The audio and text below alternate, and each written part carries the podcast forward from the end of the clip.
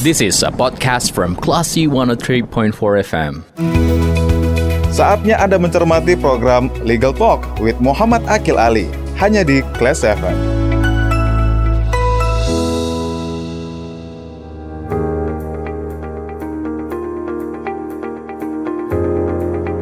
Dari Bumi Karang Putih Hindarung Padang 103.4 Kelas FM This is the actual radio. Assalamualaikum warahmatullahi wabarakatuh. Apa kabar Anda kelas people? Udah di hari Jumat Saatnya Anda mencermati program Legal Talk. Dan kali ini saya Faris Sardana akan memandu obrolan bersama praktisi hukum kita Ada Bang Muhammad Akil Ali Yang sudah tersambung melalui sambungan telepon. Assalamualaikum Bang Akil Waalaikumsalam warahmatullahi wabarakatuh. Apa Selamat kabar Bang Akil? Berjumpa kembali Mas Faris, Alhamdulillah kabar baik. Alhamdulillah. Di mana pun Anda berada. Salam sehat dan semangat selalu ya. Salam sehat, salam semangat selalu Bang Akil. Nah Bang Akil, di Legal Talk kali ini kita akan ngobrolin soal sesuatu yang lagi diobrolkan, lagi diperbincangkan di banyak tempat, agak-agak sempat menjadi polemik, agak-agak sempat jadi bahasan agak-agak gitu ya. Ada perdebatan hmm. pro dan juga kontra. Itu berkaitan dengan pernikahan beda agama. Nah tentunya pernikahan beda agama apakah ini sah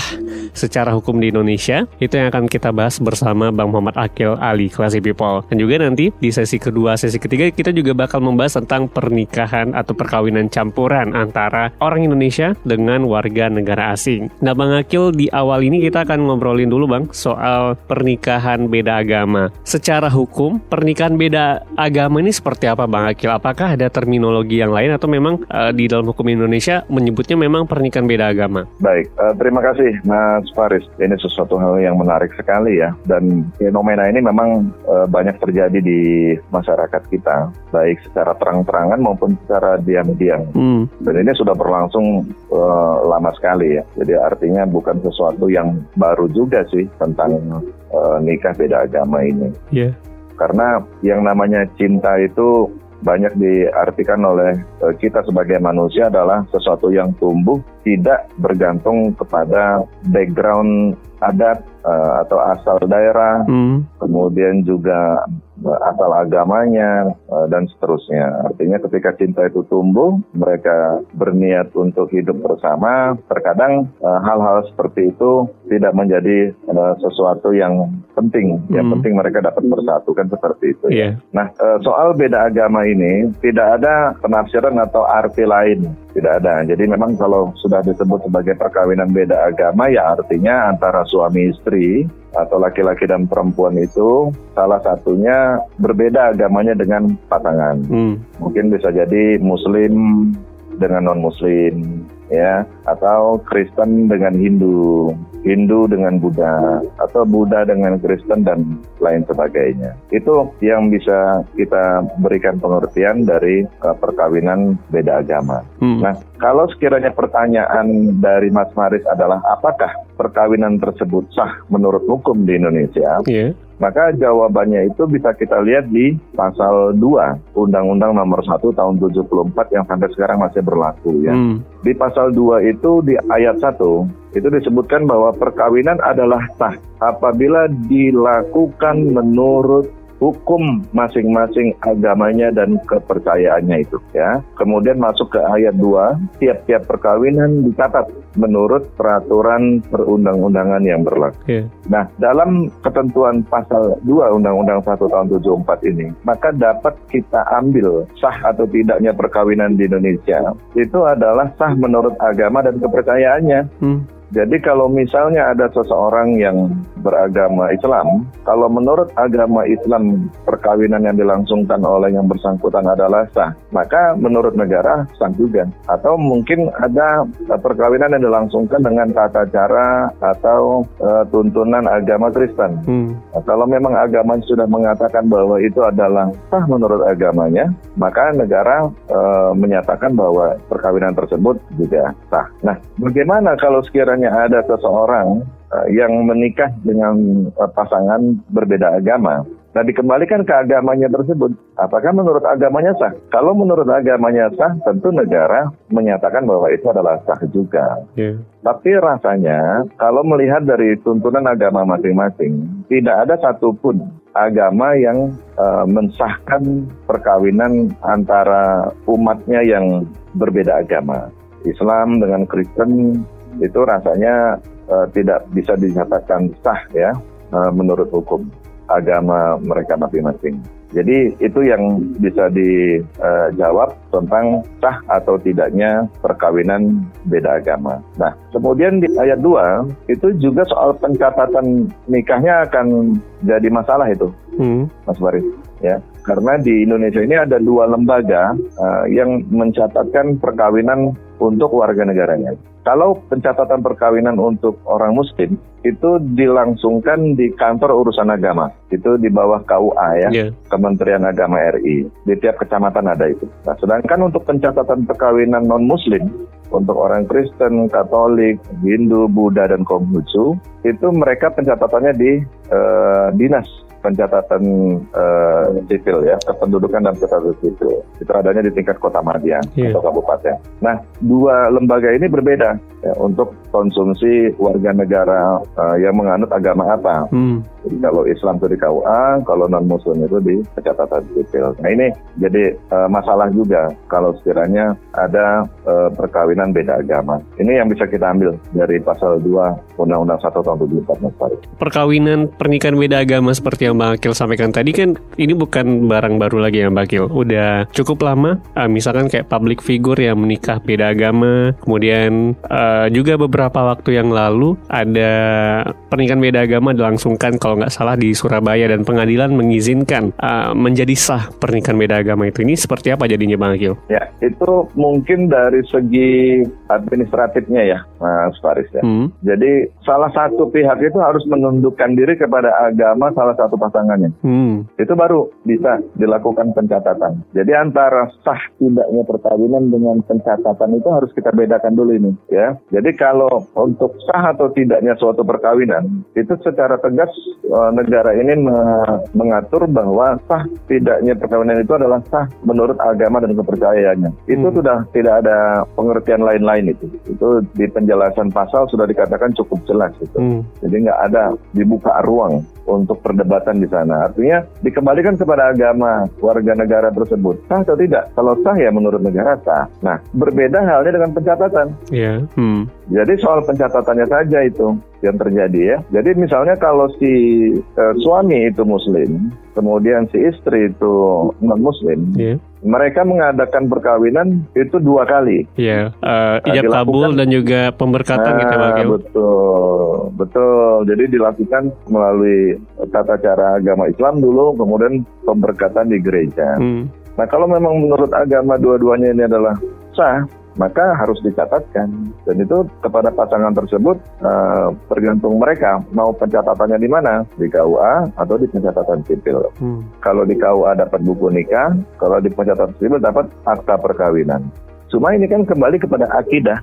Iya. Hmm. Artinya kepada iman dari warga negaranya tersebut. Kalau hanya sekedar untuk mencapai soal pencatatan perkawinan saja, itu segala macam cara bisa dilakukan. Dan itu tekniknya sudah dilakukan orang-orang zaman dulu. Itu sudah sudah banyak itu dilakukan orang. Tetapi akhirnya nanti dalam berumah tangga, mereka tetap memegang ajaran agama masing-masing. Hmm. Si suami tetap beragama Islam dan melaksanakan syariat Islamnya. Sedangkan si istri itu tetap dalam ajaran agama non muslimnya. Nah ini tergantung mereka lah nanti menjalani rumah tangga kan, bagaimana mereka mendidik agama kepada anak-anaknya, hmm. nah, bagaimana dia menjalin hubungan dengan keluarga besar masing-masing suami atau istri. Nah, ini kan sudah kembali kepada bagaimana mereka menjalani ya rumah tangga di kemudian hari. Kalau soal pencatatannya saja sih uh, yang sering saya temukan itu mereka salah satu pihak menundukkan diri kepada agama salah seorang pasangannya. Hmm. Terkait dengan pencatatan dan juga sah atau tidaknya itu bagaimana legal standingnya nanti Bang Akil? Apakah nanti misalkan kalau ada yang dicatat di kantor urusan agama uh, beda, kemudian di uh, dinas pendudukan sipil juga beda, apakah nanti legal standingnya juga bakal sama bahwa yang uh, pasangan ini sudah tercatat sebagai sebuah pasangan gitu Bang Akil? Tidak bisa dua kali ya Mas Faris. Hmm, ya. Jadi pencatatan sipil uh, dan pencatatan di KUA itu harus salah satu karena dari segi surat pengantar RT RW kelurahan setempat itu tidak memungkinkan dipakai dua kali. Hmm. Jadi dari administrasi saja ya. Kalau yang di Surabaya itu kan makanya dia gugat ke pengadilan negeri kan karena tidak dicatatkan di pencatatan sipil. Kan itu masalahnya. Hmm. Kalau dia tidak dicatatkan di KUA tentu dia sidangnya di pengadilan agama di Surabaya gitu loh. Nah, kalau kita melihat dari pilihan ya, apa yang disampaikan oleh Mas Faris tadi, ada pencatatan di KUA dan ada pencatatan di catatan sipil untuk satu pasangan yang sama, itu sekali lagi rasanya tidak mungkin. Oh tidak mungkin ya bang? Oke. Tidak mungkin karena dari segi administrasi itu tidak tidak memungkinkan hal tersebut karena nanti pasti ada dokumen yang dipalsukan. Oh iya. Kalau sekiranya dua dua hal tersebut terbit ya, Hmm. Buku nikah terbit, akta perkawinan terbit. Dia menggunakan surat pengantar yang mana dari pihak apa pejabat lingkungan setempat. Tentu tidak memungkinkan ini. Pasti salah satu. Oke, Eh, Bang Akil, kita akan lanjutkan nanti di sesi kedua, Bang Akil. Ada hal yang mungkin saya mau tanyakan juga berkaitan dengan buku nikah dengan akta nikah, Bang Akil. Dan Classy Baik. People, jangan ke mana-mana. Kita akan kembali nanti di sesi berikutnya. Pastikan ada Kevin Chun di 103,4 Kelas FM. This is the Actual Radio.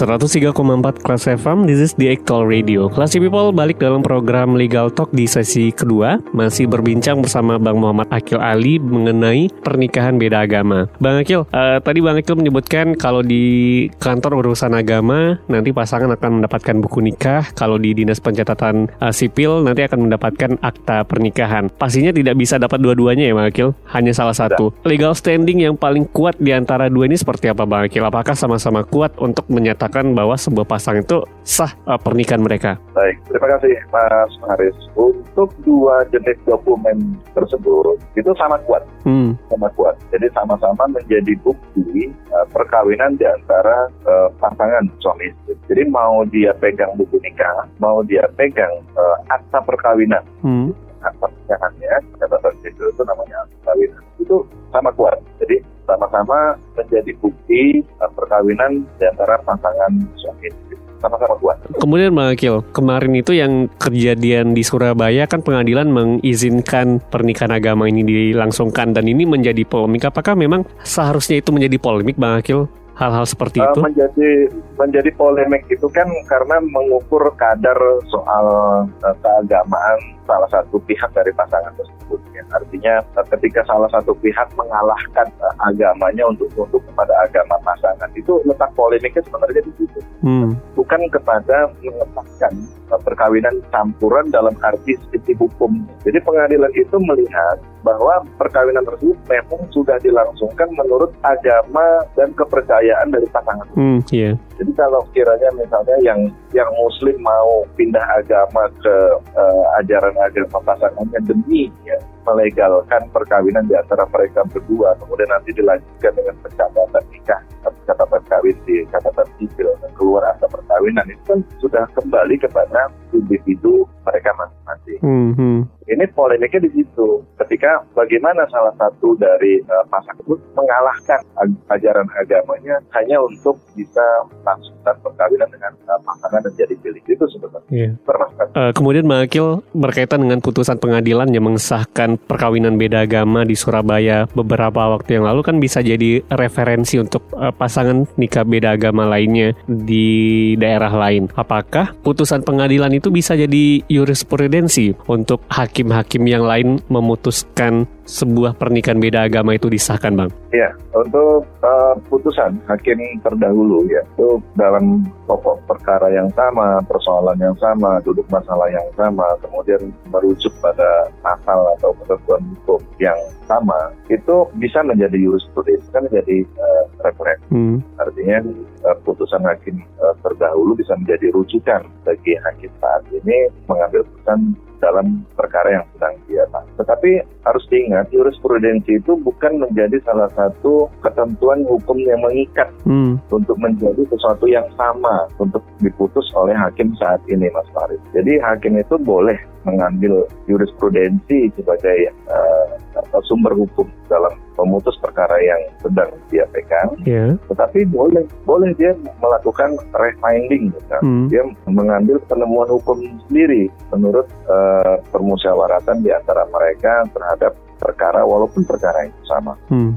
Nah, apakah mereka tetap ikut kepada pendapat hakim terdahulu atau tidak? Itu sekali lagi tidak menjadi satu hal yang mengikat bagi hakim saat ini untuk memutus sama dengan hakim terdahulu. Oke, berarti tidak mutlak. Apakah itu mencerminkan rasa keadilan untuk pasangan-pasangan selanjutnya nanti bangkil? Kalaupun ternyata putusan hakim selanjutnya itu ternyata berbeda jauh dengan apa yang terjadi sebelumnya gitu. Kalau kita bicara soal rasa keadilan, ketika salah satu pihak dari pasangan suami istri yang akan melangsungkan perkawinan itu kemudian mengalahkan akidah atau keimanan dirinya hanya demi melegalkan pencatatan perkawinan, menurut saya diri sendirinya pun juga tidak memperlakukan adil terhadap dirinya sendiri. Bagaimana kita bisa bicara rasa keadilan secara global atau secara menyeluruh yang bisa dinilai oleh seluruh masyarakat kalau sekiranya rasa keadilannya itu diukur dari sebuah putusan pengadilan. Jadi putusan pengadilan yang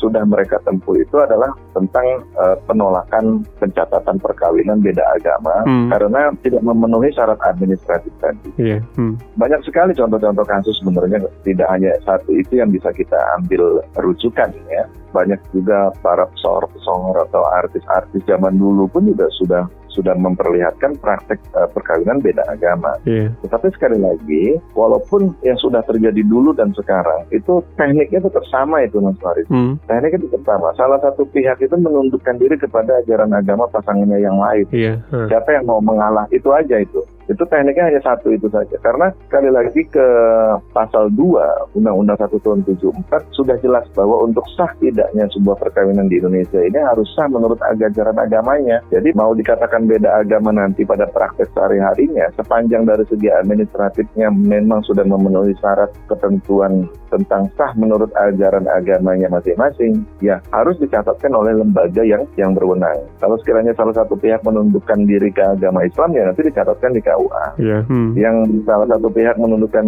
diri ke ajaran non Muslim, ya nanti pencatatannya di catatan sipil. Jadi ini soal bagaimana diri pribadi menyikapi soal ajaran agamanya dan ini tentu menjadi polemiknya di situ, yang menjadi pro kontranya di situ. Jangan salahkan negara, Iya. jangan salahkan agama, karena agama sudah memiliki uh, tuntunannya yang jelas dan itu mereka adalah berdasarkan kepada tuntunan Tuhan. Sedangkan dari negara sendiri sudah memiliki hukum positif gitu loh. Dan sampai detik sekarang pun juga uh, ketentuan pasal ini tidak pernah di, diuji material kan ini mas, Hmm. karena memang sudah sesuai dengan kaidah-kaidah yang ada maupun kaidah hukum maupun kaidah agama. Berarti kalau tidak diuji materi berarti dianggap masyarakat sendiri setuju dengan aturan itu ya Bang Kil? Bukan masalah setuju tidak setuju karena memang itu yang lebih cocok, Iya, itu yang lebih pas loh.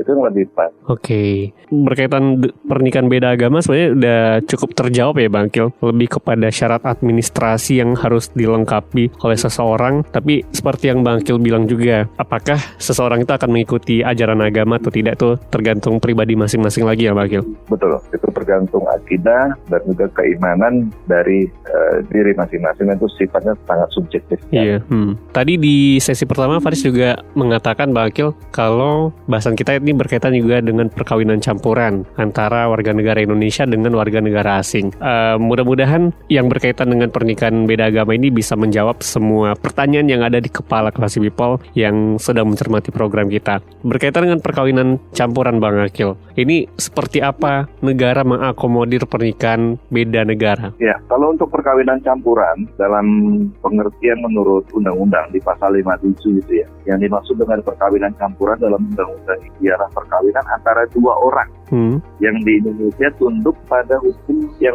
uh, yang, yang berlainan karena perbedaan keluarga negaraan dan salah satu pihak berkeluarga negaraan dan salah satu pihak berkeluarga. Jadi kalau kita bahas tentang perkawinan campuran maka tentang uh, beda keluarga negaraan antara pasangan suami. Jadi yang satu warga negara Indonesia dan yang satu warga negara asing Hmm. negara maksud. Ini yang disebut sebagai perkawinan campuran, Mas. Iya. Kalau perkawinan eh, campuran ini kadang-kadang nih Bang Akil juga eh, beda agama juga nih Bang Akil. Apakah nanti ketika perkawinan campuran ini dilakukan dengan pasangan yang berbeda agama, apakah polemiknya atau eh, hal yang dihadapi bakal sama dengan pernikahan beda agama dalam satu negara Bang Akil? Tidak suatu hal yang mutlak ya, Mas Farid. Hmm. Kalau kita sebut perkawinan campuran itu eh, pasti beda agama. Hmm. Ini juga tentatif. Iya. huh. Kalau misalnya warga negara Indonesia nikah dengan warga negara Arab Saudi, Iya. kan tentu sama itu Iya. agamanya bisa jadi Muslim ya. Atau warga negara Indonesia menikah dengan warga negara Italia, mungkin sama-sama Katolik mereka. Hmm. Jadi antara perkawinan campuran dengan perkawinan beda agama belum bisa dipastikan kedua-duanya adalah menjadi satu poin dalam kasus posisi. Hmm. Kalau misalnya terjadi dua hal tersebut pada satu kasus, Iya. jadi Hmm. ini perkawinan campuran karena beda keluarga negaraan, kemudian ini juga perkawinan beda agama karena dua orang di pasangan ini ya, agamanya juga berbeda. Iya. Maka sekali lagi, kalau soal perkawinan campurannya ini, itu kembali soal pencatatan. Iya. Kalau soal perkawinan beda agamanya ini ini juga soal pencatatan. Juga kalau sekiranya soal perkawinan campuran tentang bagaimana status keluarga negaraan. Nah, Hmm, iya. kalau perkawinan beda agama tidak terkait dengan status keluarga negaraan. Hmm. Kembali kepada undang-undang yang mengatur warga negara Indonesia yang harus tunduk kepada undang-undangnya sendiri. Maka sekali lagi, kalau untuk perbedaannya tetap pada perbedaan beda agama, maka yang harus diukur dalam pencatatan perkawinannya adalah tentang sah atau tidaknya menurut agama dan kepercayaannya itu. Jadi dilangsungkan dalam bingkai agama apa perkawinan yang mereka lakukan di luar negeri tersebut ya. Kemudian kalau soal untuk perkawinan campuran, maka itu soal pencatatan karena dalam ketentuan hukumnya itu paling lambat ya, paling lambat itu dalam jangka waktu berapa bulan gitu ya, ketika kembali ke Indonesia itu harus harus di, dicatatkan itu Hmm. Farid. Jadi kalau misalnya sudah melangsungkan perkawinan di luar negeri, maka ketika dia kembali ke Indonesia, maka perkawinan tersebut harus dicatatkan itu. Iya.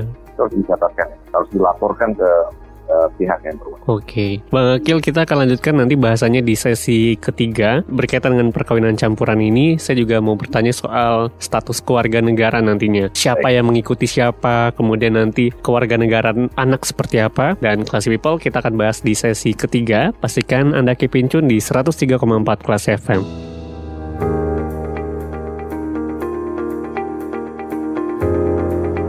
...103,4 kelas FM, this is the actual radio. Classy People, kita sampai di sesi terakhir dalam program Legal Talk. Tadi Bang Akil di eh, akhir sesi 2 menyebutkan soal status keluarga negaraan orang-orang yang menikah atau perkawinan campuran beda negara. Ini nanti seperti apa Bang Akil? Eh, status keluarga negaraan pasangan yang menikah beda negara apakah siapa yang mengikuti siapa? Kemudian nanti status keluarga negaraan anaknya ngikutin siapa? Apakah nanti jadinya double keluarga negaraan atau seperti apa? Silakan Bang Akil. Ya, terima kasih Mas Faris. Untuk status warga negaraan ya, baik untuk pasangan yang kawin eh, campuran atau untuk anak-anaknya di kemudian hari, itu tergantung kepada hukum nasionalitas yang berlaku dari eh, negara masing-masing. Hmm, hmm. Uh, kalau misalnya di Indonesia sendiri, di Indonesia sendiri itu menganut keluarga negaranya itu berdasarkan tempat lahir Iya. ya, dan juga tergantung kepada bapak ibu ya dari yang bersangkutan. Nah, kalau melihat dari hukum negara lain itu dikembalikan kepada masing-masing negara yang bersangkutan. Hmm. Artinya apakah mereka menganut keluarga negaraan dengan sistem yang sama yang dimiliki oleh Indonesia atau tidak atau malah mengakibatkan kehilangan keluarga negaraan Iya. dengan adanya perkawinan campuran tersebut. Ini harus dilihat dari konteks negara mana mereka berasal. Tapi untuk Indonesia sendiri, Mas Faris, sepanjang sepanjang perkawinan campuran itu memang sudah didaftarkan di Indonesia, Hmm. sudah dimohonkan untuk bisa disetujui oleh eh, pihak pejabat yang berwenang di Indonesia, maka untuk keluarga negaraan uh, WNI yang bersangkutan tidak hilang, hmm. tetap berstatus sebagai warga negara Indonesia dan malah bisa memungkinkan kepada pasangannya untuk menjadi warga negara Indonesia juga. Naturalisasi ya, Bang. Naturalisasi. Hmm. Jadi orang luar uh, Indonesia yang menikah dengan warga negara Indonesia terbuka kemungkinan sekali untuk menjadi warga negara Indonesia untuk mengajukan permohonan menjadi warga negara Indonesia karena terjadinya perkawinan. Nah, anak-anak yang lahir dalam perkawinan seperti ini tentu menjadi warga negara Indonesia. Hmm. Gitu. Itu soal keluarga negaraan baik untuk pasangan maupun untuk anak dari perkawinan campuran tersebut. Tadi Bang Akil menyebutkan agak menarik nih Bang Akil. Ada kemungkinan atau possibilities uh, seorang anak kehilangan keluarga negaraan. Apakah ada kejadian-kejadian seperti itu juga Bang Kyo? Kalau soal kejadian seorang anak kehilangan keluarga negaraan, saya tidak menyebutkan seperti itu tadi ya, hmm. tapi lebih kepada pasangan. Oh pasangan ya, ya maaf. Hmm. Nah, jadi soal pasangan, apakah menurut hukum negara yang bersangkutan dengan adanya perkawinan dengan warga negara Indonesia itu malah mengakibatkan dirinya kehilangan keluarga negaraan? Hmm. Ada di beberapa negara tertentu yang mengatur seperti itu, hmm. atau malah justru ada negara-negara yang berpandangan bahwa dengan menikah dengan warga negara lain maka dia memiliki dua kewarganegaraan. Yeah. Jadi masing-masing negara untuk di luar Indonesia saya tidak begitu menguasai bagaimana hukum mereka mengatur masing-masing ya. Hmm. Tetapi harus dilihat sampai sedetil itu kalau memang mau menikah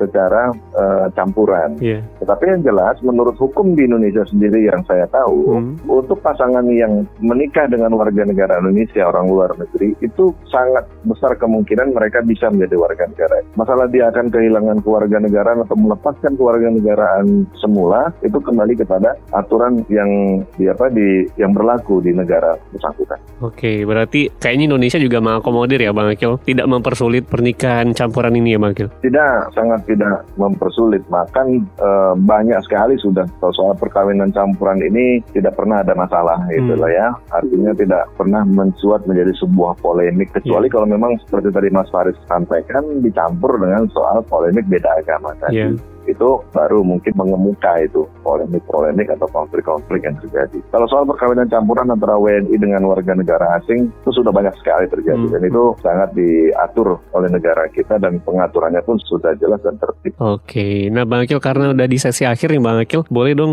legal opinion berkaitan dengan pembahasan kita Bang Akil uh, tentang Baik. perkawinan uh, beda agama dan juga perkawinan campuran. Silakan Bang Akil. Baik, terima kasih Mas Faris dan Klasi di mana pun Anda berada. Untuk dua topik yang kita bahas pada pertemuan kali ini yaitu soal perkawinan beda agama dan juga soal perkawinan campuran. Khusus untuk yang pertama dulu soal perkawinan beda agama. Ini sekali lagi ranahnya betul-betul ada di diri pribadi atau personal masing-masing Anda sendiri. Hmm soal e, bagaimana Anda memegang teguh agama dan kepercayaan yang sudah Anda jalani. Karena negara ini sekali lagi tetap menganggap sah sebuah perkawinan itu adalah sah menurut ajaran agama dan kepercayaannya masing-masing. Hmm. Oleh karena itu, kalau sekiranya agama kita sudah mengatur bahwa yang harus menjadi syarat sah dari perkawinan menurut agama kita adalah harus sama-sama beragama seperti apa yang dianut, maka sebaiknya Anda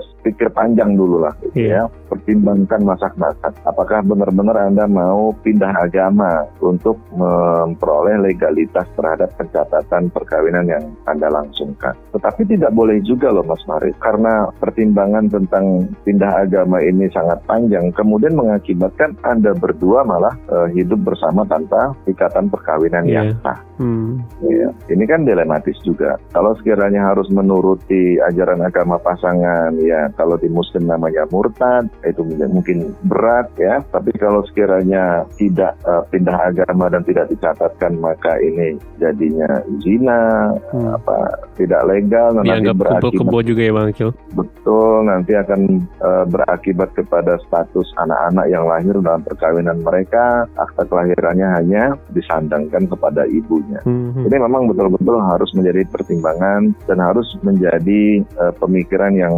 dalam dan yang panjang gitu ya sebelum mengambil keputusan nikah beda agama. Nah mungkin ada baiknya Anda untuk minta pendapat-pendapat dari keluarga terdekat atau dari pemuka agama sendiri. Bagaimana pandangan mereka dalam ajaran agama yang Anda anut? So, tentu ini akan menjadi bahan pertimbangan yang penting sebelum Anda mengambil keputusan untuk uh, mengambil langkah nekat untuk kawin uh, beda agama ini. Hmm. Karena sesuatu yang uh, sifatnya sesaat sekarang mungkin tidak terukur dengan apa yang akan terjadi di kemudian hari. Bagaimana Anda membina rumah tangga dalam suatu beda agama yang sangat tajam ya? Bagaimana Anda harus bergaul dengan pihak keluarga dari pasangan atau dari pasangan sendiri bagaimana bergaul dengan keluarga Anda sendiri dalam agama yang berbeda. Soal bertoleransi menurut saya agama mana pun tidak sampai ke lingkungan ini ini untuk bertoleransi. Kalau soal bertoleransi itu bagaimana kita harga menghargai, hormat menghormati pelaksanaan ajaran agama dari orang yang berbeda agama. Tapi ketika ini sudah masuk kepada diri Anda sendiri sebagai pelaku untuk e,